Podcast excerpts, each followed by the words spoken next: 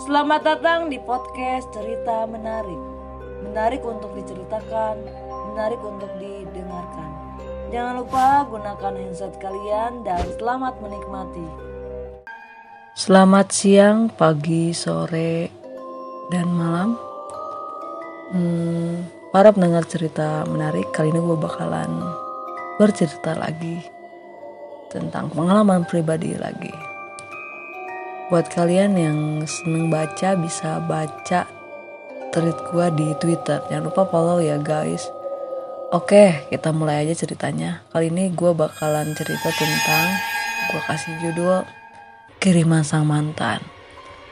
Buat kalian yang belum denger episode ke-7 bisa denger karena ini ada kaitannya nih sama episode 7 ya. Kita mulai aja ceritanya. Jadi Desember 2015 gua putusin pacar gua. Itu lagi sayang-sayangnya guys lagi sayang-sayangnya gua putusin. Karena keadaan gua kan sakit. Keadaan gua sakit ya. Gua nggak bisa berpikir panjang. Nggak bisa berpikir untuk bisa mempertahankannya. Gue inget itu hari Jumat. Gue ngirim SMS ke dia. Klasik banget deh. Intinya gue nggak sayang. It, itu gue ngerasa gue bohong banget ya. Tapi keadaannya gue nggak bisa nggak bisa jujur. Gue nggak bisa ngejelasin. Pas, pastilah gue nggak bisa pastilah. Seorang saat dalam keadaan down pasti tidak bisa berpikir panjang. Itu seperti gue gue nggak bisa berpikir panjang. Gue sedih dong ada cowok yang baik ke gue yang bisa nerima gue apa adanya terus kita punya rencana mau nikah. Hmm. ujian tantangannya itu di hubungan kita tuh baik-baik aja tapi eksternalnya gangguan-gangguan goib yang di episode 7 pasti tahu dong ya. Itu berat banget. Pas gue pegatin dan akhirnya gue gak megang HP terus gue pinjem HP nyokap gue gue li gue cek media sosialnya dia marah-marah. Marah-marah nggak terima. Itu ya gue tahu pasti sakit hati banget. Karena lagi sayang sayangnya gue putu gue putusin. Gue di situ nangis juga. Gue juga nggak mau kayak gini. Gue juga nggak mau gitu. Gue juga pengen pengen hidup lah sama dia bareng-bareng. Tapi kenyataannya ya kayak gini. Dan akhirnya marah-marah udah mau gue sakit non medis ya banyak banget kiriman. Kiriman kiriman kiriman kiriman seperti itu. Dan gue, merasa down banget pada saat itu ya. Gue butuh banget sosok yang ada di samping gue gitu ya lelaki yang di samping gue ternyata kan gue akhirnya pegat juga sama dia. Itu bikin gue sedih. Berapa bulan ya dan akhirnya 2016 gue uh, cuma bisa lihat dia lewat media sosial. Karena gue kan nggak bisa jalan tuh tahun 2016 ya. Gue hanya bisa beraktivitas di atas kasur. Karena banyak banget gangguan di tubuh gue banyak jin-jin yang di tubuh gue karena 2016 itu bener-bener ih parah banget down banget. Gue nggak bisa berbuat apa pun. Gue hanya bisa tertidur di kamar gue dan gue hanya bisa melihat langit-langit kamar gue itu yang gue lakuin setiap hari. Badan gue sakit terus setiap hari dan malamnya gue nggak bisa tidur karena banyak banget banyak banget gangguan yang ada di tubuh gue gue pengen nangis gue teriak-teriak tapi gue harus bisa lawan semuanya. Dan pada akhirnya gue ketemu ustadz gue gue di Rukiah. Rukiah pertama, Rukiah kedua, Rukiah ketiga akhirnya sosok itu muncul dan ngoceh ya. Ternyata ada sesuatu yang ngirim ke tubuh gue karena tidak terima dipegatin tidak terima diputusin. Tapi yang anehnya itu setannya bilang gini anak ini baik. Pengennya dari kemarin-kemarin udah keluar tapi nggak bisa karena dari sananya nanti suka di dicekik dicekik nah kata ustadz gue gini sama aja di sini juga dibakar. Dan akhirnya keluar memperbaiki.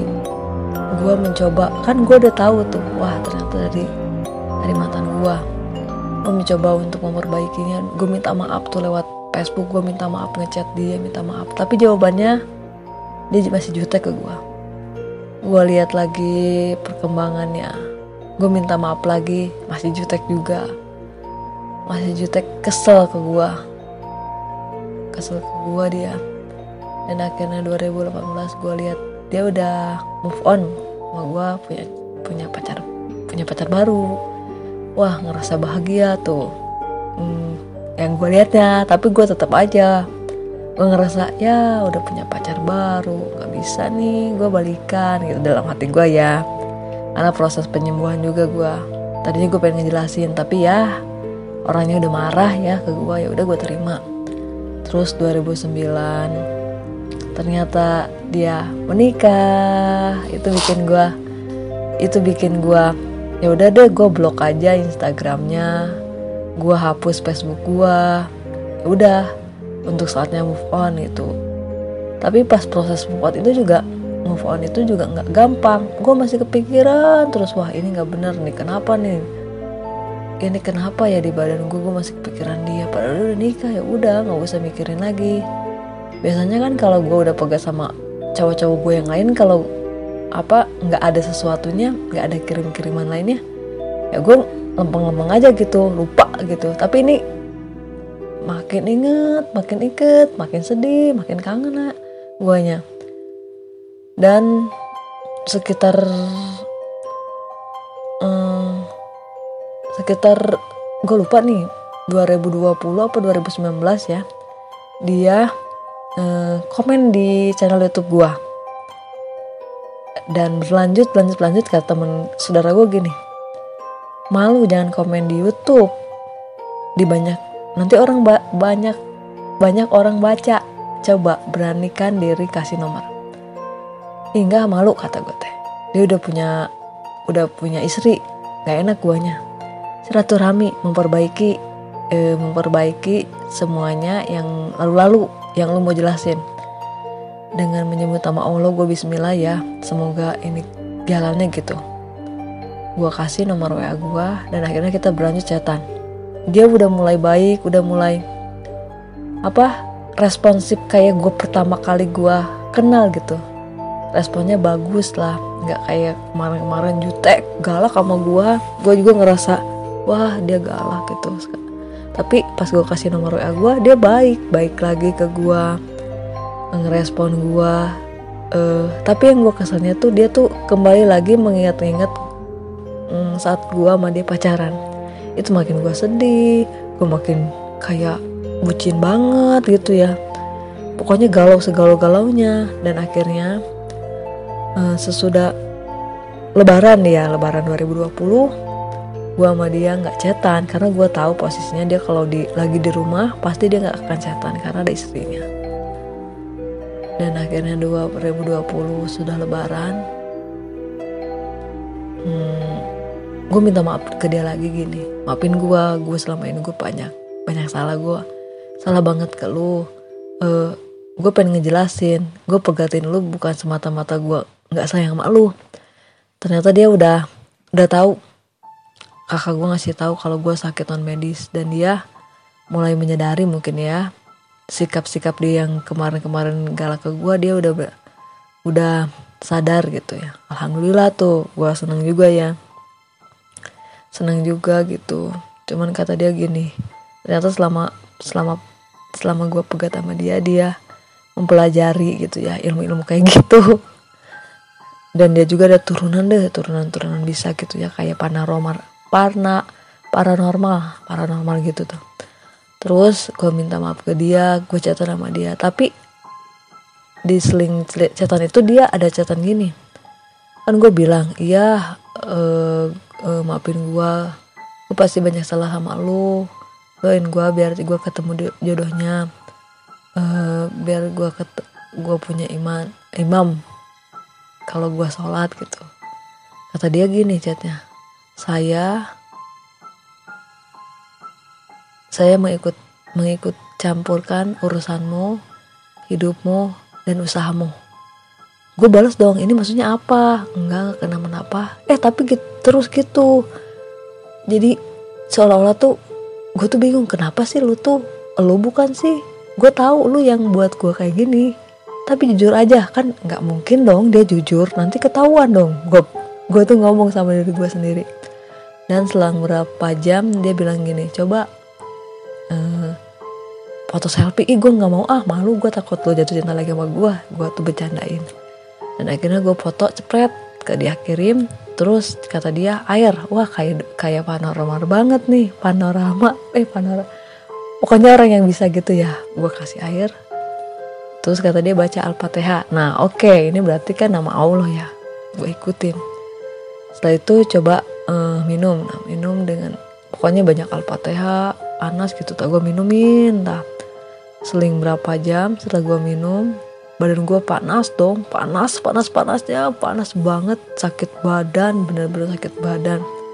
Dan siangnya gue mencoba ngecat dia tuh memberanikan diri. Gue bilang oh badan gue panas ya gue chat dia ke chat dia kayak gitu.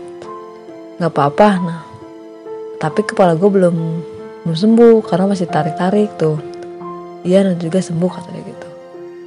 Tiga harian badan gue masih panas banget ya. Cuaca apa cuaca di Bogor itu kan sejuk-sejuk gimana ya? Nggak begitu panas tuh keadaannya waktu saat itu. Itu panas tiga hari tuh sembuh. Sembuh lagi dan gue lupa sama dia. Terus nomor gue sampai sekarang diblokir. Diblokir deh. Jadi alhamdulillah sekarang gue sembuh dan gue bisa lupain dia gitu. Kayak biasa-biasa aja kayak kayak mana-manan gue yang lainnya lah. Sekarang udah alhamdulillah lupa. Jadi cerita gue cukup sekian ya guys. Itu pengalaman gue yang bener-bener kasus percintaan gue itu nggak mulus-mulus banget seperti jalan tol yang lurus ya guys. Banyak kelak-keloknya cerita percintaan gue semoga gue didekatkan jodohnya dan buat para pendengar para pendengar yang belum memiliki pasangan semoga juga dimudahkan diberikan umur panjang eh diberikan umur yang barokah rezeki dan kesehatan buat semuanya dan dijauhkan dari kejahatan yang tidak terlihat dan terlihat. Dan terima kasih buat para pendengar cerita menarik. Assalamualaikum warahmatullahi wabarakatuh. Bye bye